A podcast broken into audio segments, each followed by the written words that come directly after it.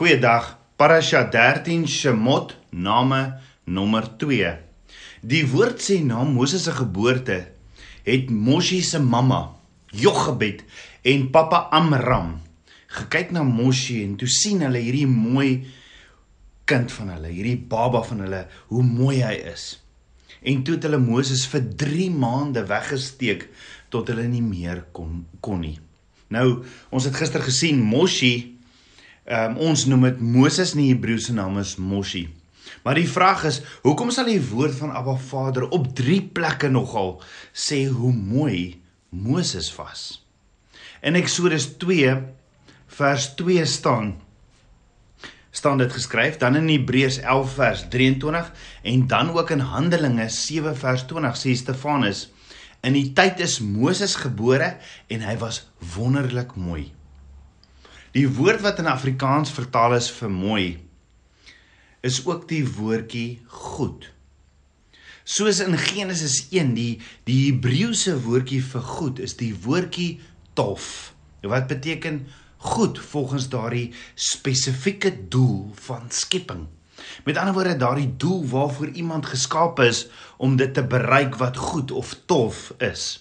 Selfs wat Abba Vader in Jeremia 1 vers 5 sê, as hy sê voordat ek jou in die moederskoot gevorm het, het ek jou geken en voordat ek jy voordat jy die liggaam voortgekom het, het ek jou geheilig. Ek het jou tot 'n profeet vir die nasies gemaak.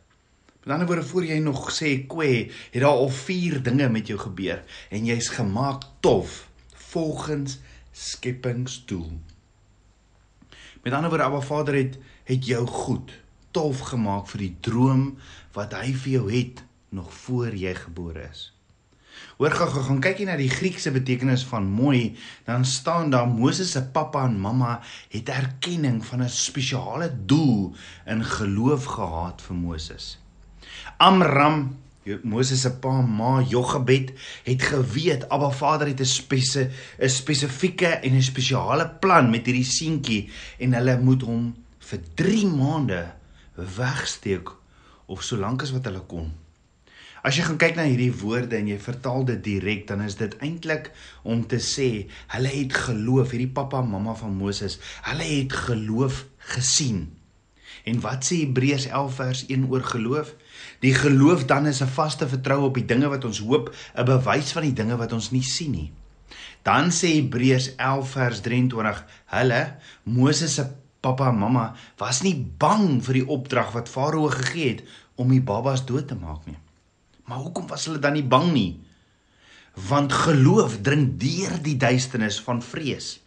En wanneer geloof die duisternis van vrees binnendring, dan kan niks dit stop om by die doel en die belofte uit te kom wat Abba Vader vir jou het nie.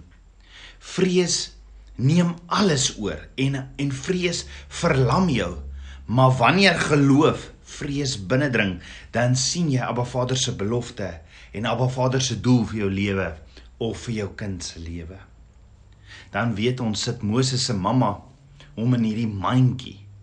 En die Hebreëse woord vir die mandjie is teva. Teva wat presies dieselfde woordjie is vir die ark wat Noag gebou het. Met ander woorde, soos wat Noag op Papa Vader se woord 'n ark gebou het wat verlossing gebring het, net so het Amram en Jochebed 'n ark gebou vir hulle baba Moses en dit het verlossing teweeggebring vir Papa Vader se hele volk.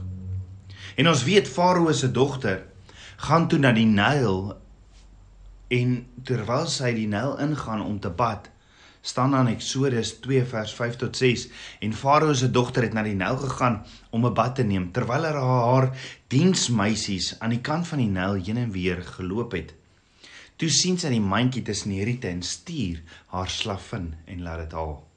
Nadat sy dit oopgemaak het, sien sy die kind en kyk, dit was 'n seentjie wat huil en sy het hom jammer gekry en gesê, "Dit is een van die kinders van die Hebreërs." Nou die woordjie vir toe sien sy is die woordjie in Hebreëus yatsa wat beteken sy het medelee of empatie vir Moses gehad. Die ironie is Farao se dogter kry die Hebreëse baba seentjie en sy het dadelik geweet dat sy 'n kind vashou wat haar eie pa besluit het in daardie selfde rivier moes verdrink of vermoor moes word. En tog het sy vir Moses medelee of empatie, ja, jetsa. En Moses word toe haar seun 'n prins van Egipte. Met ander woorde, Farao se dogter se se empatie laat haar toe reageer buite haar eie omstandighede as prinses van Egipte. Dan lees ons 40 jaar later op 'n dag stap Moses die prins van Egipte uit sy paleis uit. Hy sien die Israeliete wat swaar kry onder die slawejuk van die Egiptenare en hy sien hoe 'n Egiptenaar een van die Israeliete slaan. Moses sien onderdrukking en en Moses besef dat hy nie net kan sien hoe sy mense ly en verslaan word want hy was 'n Israeliet en hoe hulle kan verslaan word vir niks nie en voel hy wat Moses is moet optree. Hy moet oorgaan in aksie. Is dit reg wat Moses gedoen het? Nee want ons weet 'n hele paar jaar later het Abba Vader vir Moses self die 10 vir Moses en sy volk die 10 gebooie gegee en daar staan uitdruklik jy mag nie moord pleeg nie en Abba Vader verander nie. Maar die vraag is hoekom kon Moses nie net staan en kyk hoe die Egiptenaar een van Abba Vader se kinders, een van sy eie mense verslaan nie? Hoekom het dit hom so ontstel en hoekom het Moses gevoel Hy moet help. Ek meen hy was hy het mos nou in 'n in 'n in Farao se huis paleis groot geword. Hoor gehou, Eksodus 2 vers 11 sê en in die dae toe Moses al groot was, het hy na sy broers uitgegaan en hulle harde arbeid aangesien. Met ander woorde, hy het die Israeliete gesien as sy broers en hy het hulle harde arbeid aangesien en hy het gesien hoe 'n Egiptiese man 'n Hebreëse man een uit sy broers slaan. Die woord en hy het gesien in Hebreëus is die woord yatsa. Nou hierdie woordjie yatsa verskyn op verskeie plekke in Abba Vader se woord en is amper asof Abba Vader hierdie woordjie yatsa inkleer om vir ons te wys wat is die betekenis en hoe belangrik hierdie woord is. So Moses het die onderdrukking van sy eie mense gesien. En dan sien hy hoe 'n Egiptenaar, een van sy eie mense, 'n Israeliet, verslaan. Maar wat Vader se woord sê, sê nie dat Moses net die onderdrukking gesien het nie. Dis nie dis ook nie al wat Jasa beteken nie. Nee, Jasa beteken ook Moses noticed it. So dink daaroor. Moses het groot geword as 'n prins, ryk en bevoorreg onder geen slawerny nie. Ek meen daar was mos nou geen rede vir Moses om homself te identifiseer met die lyding van 'n Israelitiese slaaf nie. Hy's tog immers gesord. Hy leef in weelde, maar tog, ten spyte van alles, het Moses die lyding van 'n Israeliet opgemerk. Ja, die Israeliete was Moses se empatie waardig. Met alles om te verloor vir Moses, kos sy empatie en omgee hom toe alles om die lyding van net een persoon te verlig. Moses het sy prins skap, sy sy wêreldse voorregte en sy rykdom op die spel gesit om die lyding van net een persoon te verlig. Dit klink dalk nie so erg nie. Totdat dit ons eie sakke raak, nê. Dink daaroor. Sal jy jou salaris hierdie jaar halveer om vir iemand anders 'n werksgeleentheid en 'n salaris te gee? Wel Moses het met meer as dit gedoen. Moses het besluit dat Abba Vader se kinders, sy mense was waardig vir sy empatie ten spyte van sy gerief. Die vraag is, sal ek en jy net soos Moses alles op die spel sit om een kind van Abba Vader se lyding te verlig? Met ander woorde, ander woorde Moses het hierdie vermoë om lyding te sien en dit nie net daar te los nie. Nee, Moses reageer want is iets wat brand hier binne in hom. En Eksodus 2 vers 12 sê en hy het hierheen en daarheen gekyk en toe hy sien dat daar niemand was nie, het hy die Egiptenaar doodgeslaan en hom in die sand begrawe. Nou Moses se reaksie is 'n reaksie in emosies.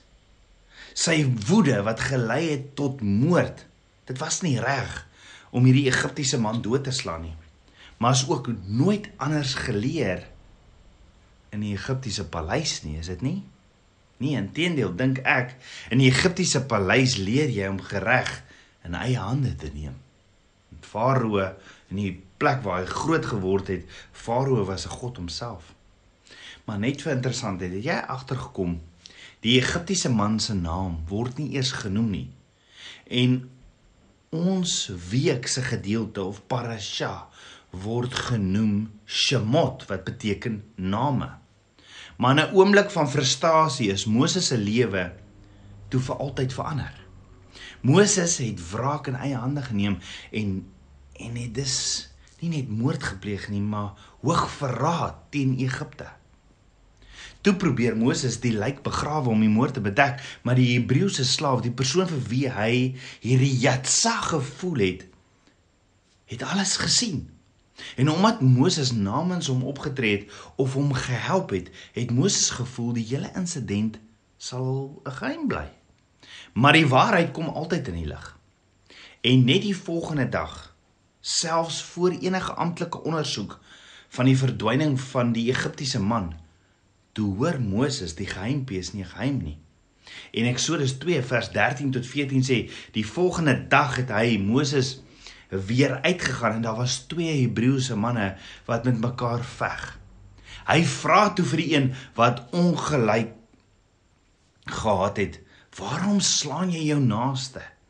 En hy antwoord, "Wie het jou as owerste en regter oor ons aangestel?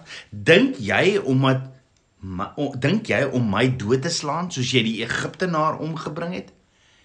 En Moses het gevrees en gesê, "Waarlik, die saak het bekend geword." Met ander woorde Moses sien toe die hierdie twee Israeliete veg en Moses konfronteer hulle toe dadelik want Moses kon nie hierdie lyding van Abba Vader se kinders verdra nie. Nee, Moses het medelee en empatie vir sy eie mense en kan nie verstaan hoe hulle onder mekaar beklei nie. Maar Moses kom toe ook vinnig agter hy word deur sy eie Hebreëse broers sy eie eie Israelitiese broers verwerp en deur sy landgenote gehaat en hy sit met 'n doodsvonnis. Ons weet toe het Moses baie vinnig gevlug en die volgende 40 jaar is Moses vasgevang in die woestyn waar hy skape van sy skoonpa oppas. Die vraag is, tabernakelskind van Abba, sal my en jou empatie en omgegee vir Abba Vader se kinders oorgaan in aksie Of hoe ontstel dit my en jou as Abba Vader se kinders baklei onder mekaar in die kerk onder andere? Om oor te ponder. Hierdie Jatsa in Moses. Is dit 'n karaktereienskap wat Abba Vader in Moses gesien het? En het dit nie dalk iets te doen met hoekom Moses 40 jaar later na die brandende bos toe stap nie? Kan dit moontlik wees dat Abba Vader vir ons 'n prentjie teken van hierdie Jatsa by die brandende bos om oor te ponder. Kom ons bid saam. Abba Vader, skieper van my hart, Vader, ek loof en prys U. Vader, leer my Jatsa, leer my om vir ander om te gee, vir U kinders om te gee. Maar nie net om om te gee nie, maar om te reageer. Om iets daaromtrent te doen, om voete te was om vir die wat honger is kos te gee, vir die wat dors is water te gee, want Yeshua sê dit wat julle ook al vir hulle doen, doen julle vir my. Vader leer my ook om nie in emosies te reageer nie, maar dit vir U te gee. Vader, vergewe my en kom was my met die waterbad van U woord en kom leef U droom in my.